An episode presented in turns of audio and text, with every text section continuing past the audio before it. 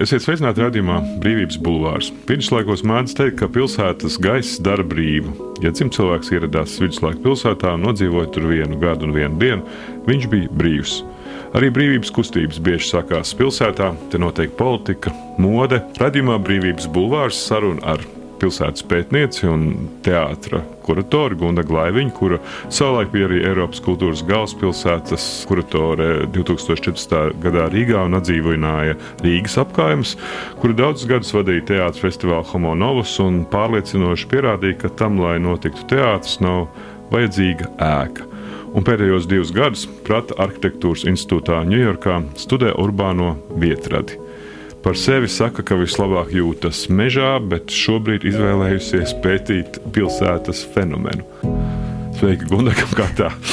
Sveiki! Šīs divas ekosistēmas patiesībā bieži tiek salīdzinātas. Ja mēs runājam par džungļiem vai par tādām ļoti daudzveidīgām dabiskajām vidēm, tās nerad salīdzina ar urbāno telpu, kur tā pamatsuga ir viena, tie ir cilvēki, bet principā iespējams, ka jā, tā sistēma, daudzveidība un miedarbi ir tas, kas man interesē, tāpēc mežs un pilsēta. Es tev esot mežā, tu domā par pilsētu? Nē, nē, nē, bet iespējams tāpēc es uh, labi jūtos abās. Man interesē abas, bet jā, mežā varbūt ir. Uh, es kā cilvēks neesmu tas noteicējs, un tas ir interesanti. Bet kas ir tā urbānā vietrade? Tieši, urbānā vietrade ir tāda eh, salīdzinoši jauna zinātne, kurā saplūst elementi gan no publiskās ārtelpas plānošanas un dizaina, tādā vairāk tehniskā izpratnē, ar antropoloģiju, socioloģiju, tātad sabiedrības funkcionēšanas teiksim, izpēti. Tātad mēs skatāmies, kas veido publisko telpu, vai vispār tai kāds pievērš uzmanību, kas to apdzīvo, kā to varētu uzlabot, lai pēc iespējas dažādākas sugas tajā justos labi un gribētu uzkavēties. Bet tā ir tā vietrada, bet, protams, ka uz to var skatīties gan salīdzinoši šauri, Mēs izliekam galdiņus un krēslus uz ielas. Un tad vērojam, ko tas iegriež, teiksim, kādu aktivitāti tas parāda līdzi. Bet var skatīties arī, protams, plašāk, jau tā kā no putnu lidojuma var skatīties uz pilsētu kā uz tādu telpisku veidojumu. Un tad kā vispār šī publiskā telpa tiek veidot, kur atrodas publiskie laukumi, kur cilvēki pulcēs, kur tie nepulcēs, vai atkal jau tas ir tikai centrs, vai mēs jau skatāmies uz plašāku teritoriju. Tā kā jā, viss, kas notiek starp mājām, jo pirms eh, vēl pavisam netik daudz gadiem tas fokus tiešām bija uz ēkām, uz arhitektūru un uz to savienojošo infrastruktūru. Bet visi tie stūri, mazie laukumiņi, dažādi iekšpagalmi, caurējas un arkas palika tā kā novārtā. Bet tur arī notiek ļoti interesanta kustība un sociāli politiski fenomeni. Vācu laikrakstā Dicait redaktors Hanno Rautenbergs savā feļetonā Mēs esam pilsēta rakstīja. Daudz cilvēkus, īpaši jau gados jaunākos, šķiet pārņēmusi klusa anarhija. Pat visneklītākās autonovietnes viņi uztver kā treniņu laukumu atletiskiem trikiem, parkūrs. Betonēts iela apmals pārvērš nelielās puķu dobēs, partizānu dārzkopība, elektrības sadales skapjus pārveido par mākslas darbiem, ielu māksla vai pamestas pilsētas apkaimes pasludina par jaunām ballīšu vietām, brīvdabas klubiņu. Un katalizators aizvien ir internets, Facebook un Twitter. Tie sniedz nepieciešamo informāciju un ļauj pārvarēt ilgi bijāto pilsētas anonimitāti.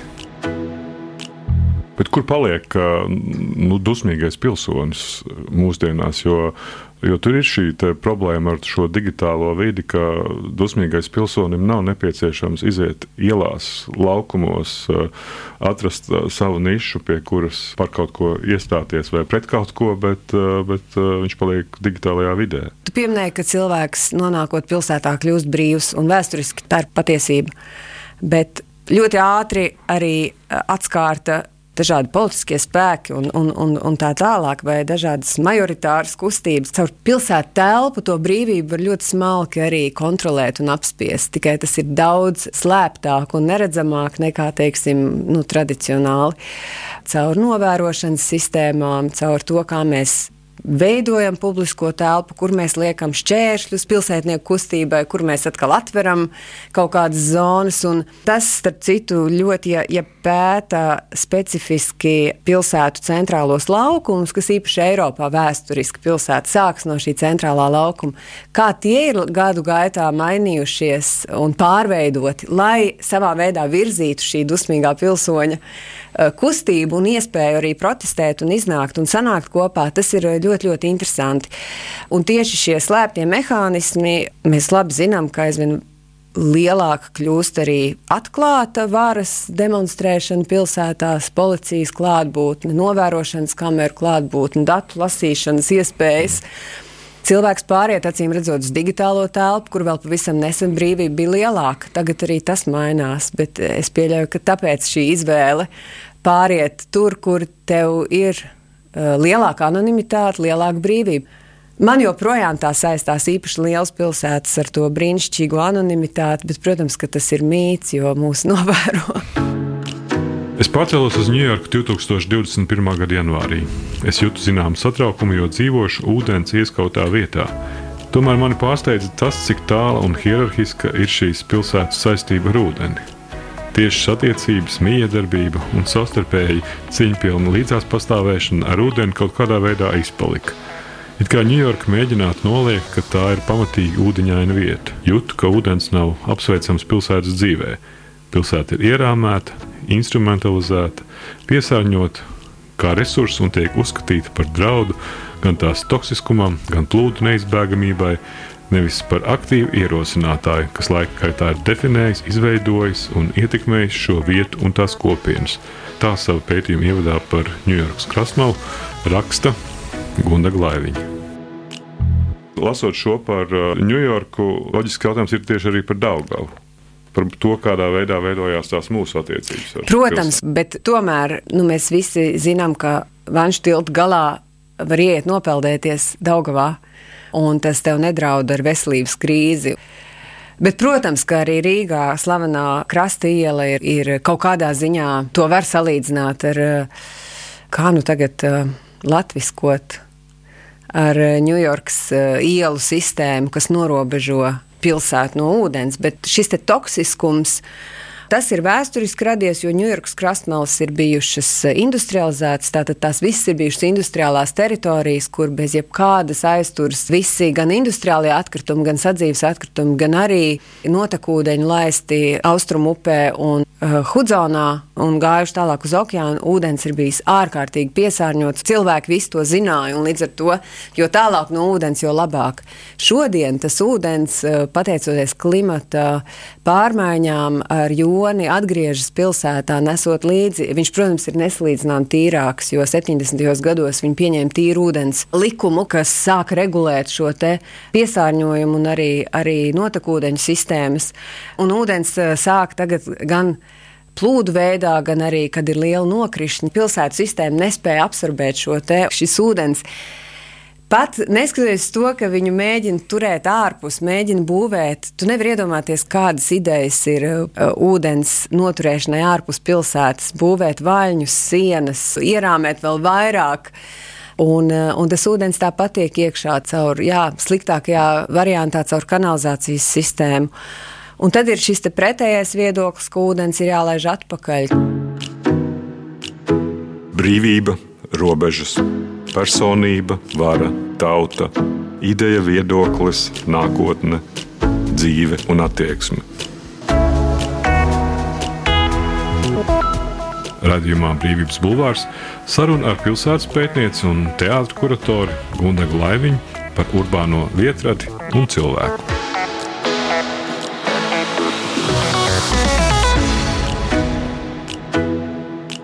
Tu jau iezīmēji šo vietradas tēmu un šo jautājumu par publiskā cilvēka atrašanos. Šķiet, nu, Vācu laikrakstī Cēlā pirms kāda laika bija Hanno Rautenbergs rakstījis savā rakstā par publiskā cilvēka bojāju, atsaucoties uz mm. Richardu Senetu, amerikāņu sociologu, par to, ka tā publiskā vide, kļūstot uh, digitāla, veido jaunas kopienas. Un tad ir jautājums, vai tagad šie procesi, pateicoties šīm jaunajām kopienām, sociālos mēdījos, kaut kādā veidā ir izrādījušies noderīgi tām jaunām iniciatīvām attiecībā uz publisko vidi, uz tām vietradēm, kuras hmm. šobrīd ir populāras. Un viņas ir populāras visur, viņas nav tikai Ņujorkā. Mēs Nē, to varam redzēt. Un, Rīgā tās kustības ir līdzīgas. Rīgā kustības, starp citu, ļoti ir Ņujorkas iedvesmota gan uh, cilvēku dēļ, kas šeit strādā, gan, gan vispār tas virziens. Es redzu uh, līdzības, bet runājot par šīm kustībām vai kopienām digitālajā vidē, es domāju, ka Tur ārkārtīgi tas interesantais ir tas, ka šīs kustības ir pārkontinentālas, aptver uh, daudz plašāku telpu nekā mums fiziskā telpa ļautu, ja mēs spētu operēt tikai fiziskajā telpā. Bet es domāju, kas ir izrādījies patiešām noderīgs attiecībā uz publiskās ārtelpas vai pilsētu vidas funkciju pārskatīšanu, ir Covid. Un tas ir tas, kas patiesībā cilvēkus atgrieza atpakaļ, kādēļ cilvēki atgriezās publiskajā ārtelpā. Vienīgā vieta, kur mēs varējām pulcēties un uzturēties kopā, bija ārtelpa. Mēs iekštelpās nedrīkstējām pulcēties. Un, uh, daudziem, protams, tā bija nepieciešamība satikties un stāvēja parkos ar to distanci. Un atkal bija tur kopā daudziem cilvēkiem. Publiskā ārtelpa kļuva par patvērumu, jo viņi mājās nejūtās labi, iesprostot četrās sienās vai pat droši. Mēs zinām, ka vardarbība privātajā telpā pieauga, un daudz cilvēki, tā skaitā bērni, arī meklēja patvērumu ārpus. Ņujorkā, piemēram, pirms Covid bija gandrīz neiespējami atrast ārā kafejnīcu, kur apsēsties, jo nebija šādi likumi. Tagad Ņujorka ir pilna, kā tu pats redzēji, ar plēves būdām gandrīz vai. Un cilvēki atkal svin ielu, kas bija miers fenomens atšķirībā no Eiropas. Habermas par politiskās publiskās sfēras pirmotnējo vietu vēl uzskatīja kafejnīcu. Mūsdienās līdzņemamās kafijas laikmetā arī politiskie procesi nereti notiek garām ejot, pēc sabiedriskā dzīve pārceļas uz piknika vietām, uz ceļu satiksmes drošības saliņām, pie dzelzceļa stacijām. Tā laikrakstā Dicait rakstīja redaktors Hanno Rautenbergs. Es atceros, ka bija kāds zviedru dokumentālā filma, kas pētīja pilsētu plānošanu. Mm -hmm. Un tur bija viens no fenomeniem, ko viņi fiksēja, ko tādi mūsdienu anarchisti teica, ka jā, tavā rajonā parādās uh, Starbucks kafejnīca, tā ir pirmā zīme, ka tev ir jātinās ātri no šīs nu, Jā, ģenifikācijas pazīme. Starbucks iespējams, ja mēs runājam konkrēti par Starbucks, kā par ķēdes atkal, kas iet tur, kur ir uh, aktīva patērētāja kultūra, protams, bet uh, es teiktu, ka kafijas krūzītes varbūt ir izdarījušas kaut ko citu. Tās cilvēkiem, kuri kaut, kādā, kaut kādu iemeslu dēļ nejūtas labi, vidē, ko viņiem piedāvā kafejnīca, viņi paņem to krūzīti un iet kaut kur un veido paši savu vidi, kur viņi divi tā grib pasēdēt, vai trijotā, vai piecatā. Duit, jā, tieši tā, tā ir tā saucamais taktiskais urbānisms, neformālais urbānisms vai vietrade kur mēs jau nonākam pie teorijas, kurai es arī patiesībā piekrītu, ka ik viens pilsētnieks, vai tu esi izstudējis vai nē, ir vietradis, vietradītājs, jo faktiski ar savu ķermeni publiskajā telpā mēs jau šo vietu uh, radām un mainām un pārradām. Un tu, par to ir runājis arī uh, Lefebvres, viens no tādiem ievērojamākajiem pilsētas teorētiķiem, kurš uzskata, jā, ka šī brīvība, atkal jau ko tu pieminēji, ja mēs runājam par pilsētnieku brīvību, tad tā brīvība manifestējas caur to, ka mēs drīkstam šo vietu radīt un veidot, un mums atļauj šeit uh, radīt un veidot vietu pēc saviem ieskatiem. Tā kā, man liekas, tā kafijas krūzīša, jā, kultūra varbūt ir radījusi, atkal jau decentralizējusi arī to pulcēšanās uh, veidu, ļaujot mums, jā, ar kafiju sēdēt, vai stāvēt, vai gulēt tur, kur mēs gribam, nevis tieši tajā noteiktajā zonā, kas ir šī kafejnīcas vieta. Kas ir tavuprāt tās citas sugas, kuru brīvību mēs neievērojam pilsētā? Dzīvnieki. Suņi? Es vakar kā reiz klausījos raidījumu zināmais nezināmajā par dzīvnieku intelektu. Un tur uh, runāja par to, ka visgudrākās, vis ja mēs runājam tādā cilvēku atkal jau terminoloģijā, sugas ir tās, kuras spēja adaptēties dzīvei pilsētā, ja mēs runājam par dzīvniekiem. Tā, tā adaptācija, tā evolūcija ir nenormāli interesanta, kā uh, dzīvnieki piemērojas izdzīvošanai pilsētā, jo pilsētas vēsturiski ir celtas bioloģiski daudzveidīgākajās un bagātākajās vietās, kur ir visvairāk resursi. Arī Ņujorka apmetās uh, Eh, vietā, kas bija viena no bagātākajām, piemēram, austrumu atradnēm, kas liecina par ļoti bagātu ekosistēmu, kur sadzīvoja ūdens ar sauszemi. Ir uh, grāmata Mana hata, kas ir ārkārtīgi interesants pētījums, kurā mēģina autori rekonstruēt pirms kolonizācijas Ņujorku, uh, kuru toreiz apdzīvoja Lenaps indiāņi, kā šī ekosistēma ir funkcionējusi. Lielākās pilsētas un bagātākās pilsētas ir ūdens malās, jo tur uzreiz mēs varam gan iegūt resursu, gan arī daudzveidot eh, pārvietošanās veidus, ir kuģu ceļi. Tā kā pilsētas un šīs cilvēku apmetnes, ārkārtīgi agresīvās apmetnes, vēsturiski ir uh, izstūmušas uh, ļoti daudz un dažādas sugas.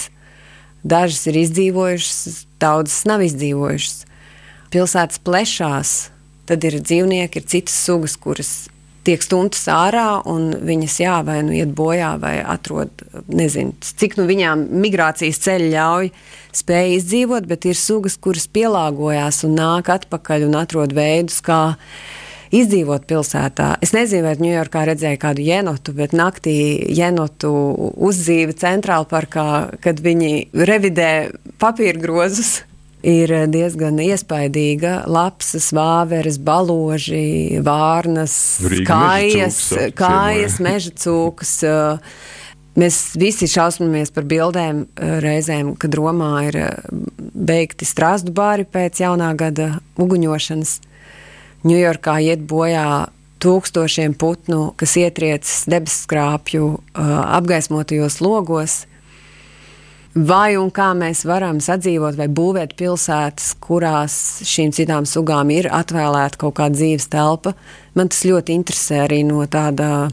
Ne tikai no tehniskā viedokļa, tur man vēl būtu jāmācās pieci gadi, lai to apgūtu, bet arī no tāda cilvēka domāšanas viedokļa, antropocēnā skatu punkta. Idejas, ka māksla kļūst ar vien politiskāka. Ar to es domāju ikvienu māksliniecisku žestu, kas mēģina ietriekties realitātē un to satricināt. Bet patiesībā mākslinieku izvēles, institūciju, festivāla burbulis to cietoksni bieži vien tikai nostiprina un padara nepieejamu. Teorijā un mākslas darbos izcili spējam reflektēt par to, kā mainīt pasaules kārtību, bet realitātē pasaule veļas pretējā virzienā.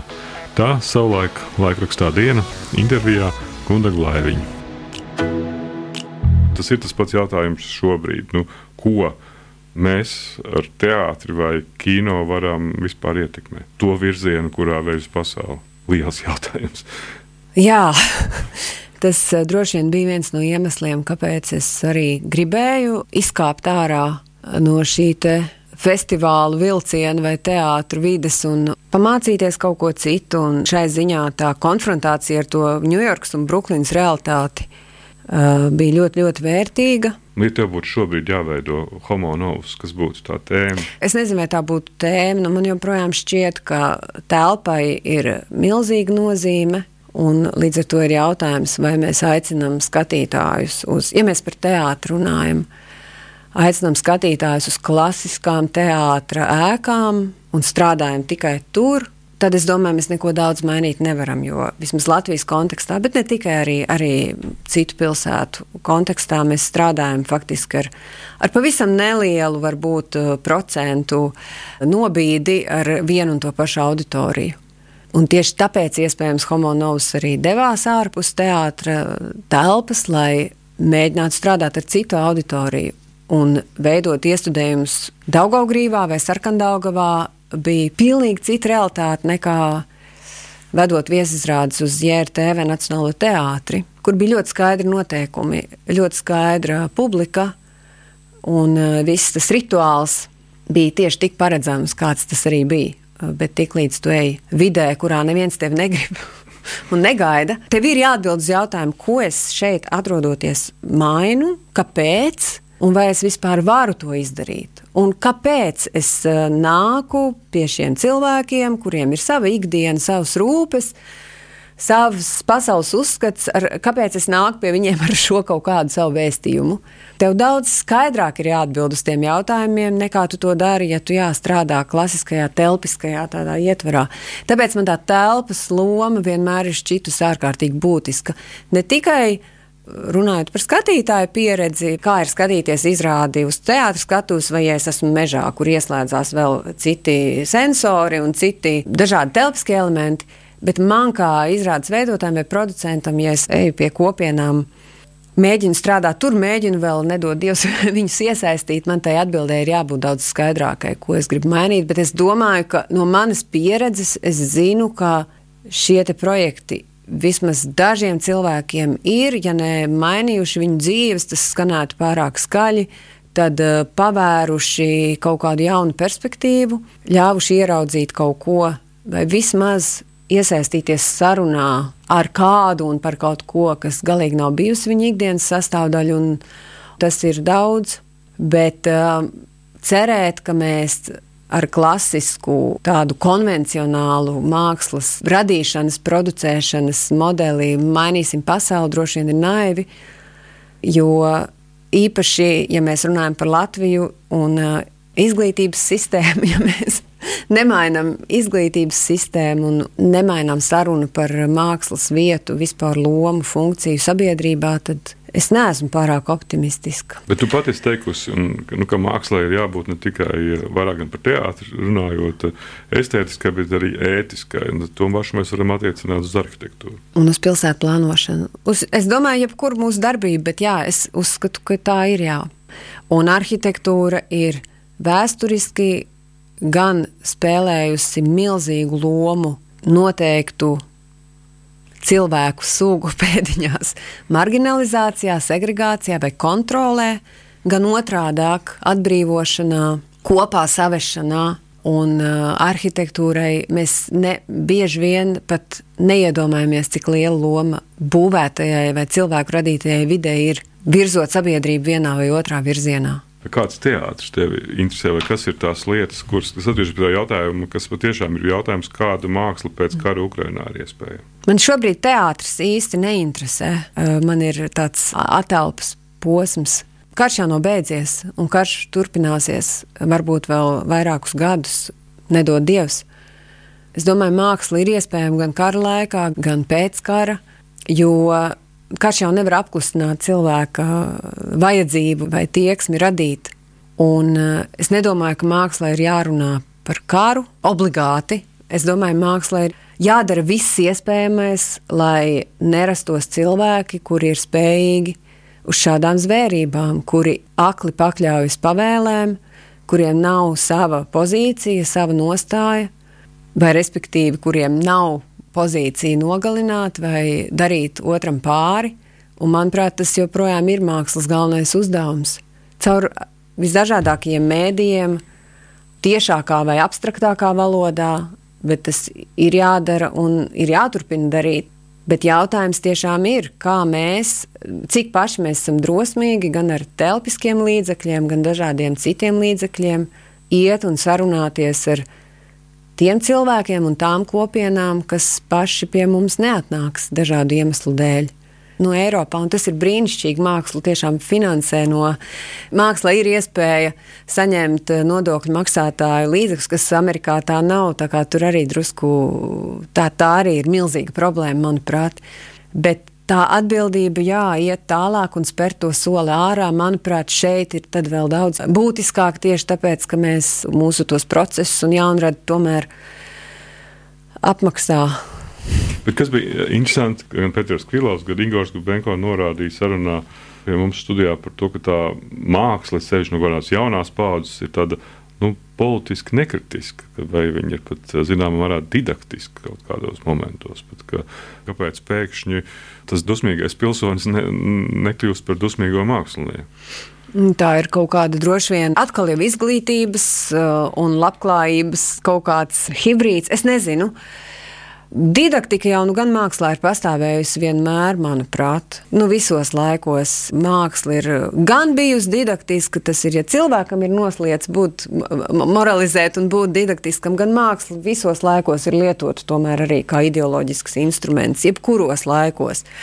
Bet, um, ja mēs runājam par Latviju, tad es domāju, ka tā ir nu, tā vide arī tomēr veido to mākslas, man liekas, telpu kaut kādā ziņā, tas pieprasījums, ko vajag skatītājiem. Vēsturiskais arī konteksts. Iespējams, ka bija kaut kāds brīdis, kad visi bija noguruši no runāšanas starp rindām un zemtekstos, un no šī politiskā vēstījuma un iegrima tādā poētiskumā, kas, protams, arī latviešu varbūt mentalitātei ir būtiski. Varbūt šis laiks atkal kaut ko mainīs, jo mēs atkal esam faktiski x stundā, un, un atkal ir kaut kādi procesi, kuri vismaz liek mums uzdot šo jautājumu, kāda vispār māksla šobrīd ir iespējama vai ne.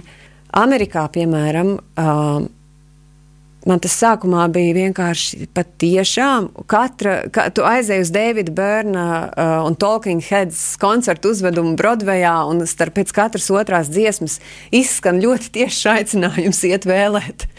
es domāju, vai tiešām es esmu atnākusi baudīt mākslu. Un kāpēc tu to politisko vēstījumu visu laiku no skatuves uh, tiražē? Un pēc tam es domāju, bet varbūt tas ir veids runāt neaizpuķoti tiešos politiskos lozungos, un tas tev varbūt iespiežas atmiņā spēcīgāk šī laikā, kad viss ir acīm redzot ļoti tieši un konkrēti, un iespējams cilvēki pat vairs nemaz nemāk lasīt zemtekstus vai, vai kaut kādus aizplīvotus vēstījumus. Varbūt tas uh, izraisa kaut kādu precīzāku reakciju. Šis būs labs aicinājums Latvijas priekšvēlēšanu gadā. Jā, vai ne?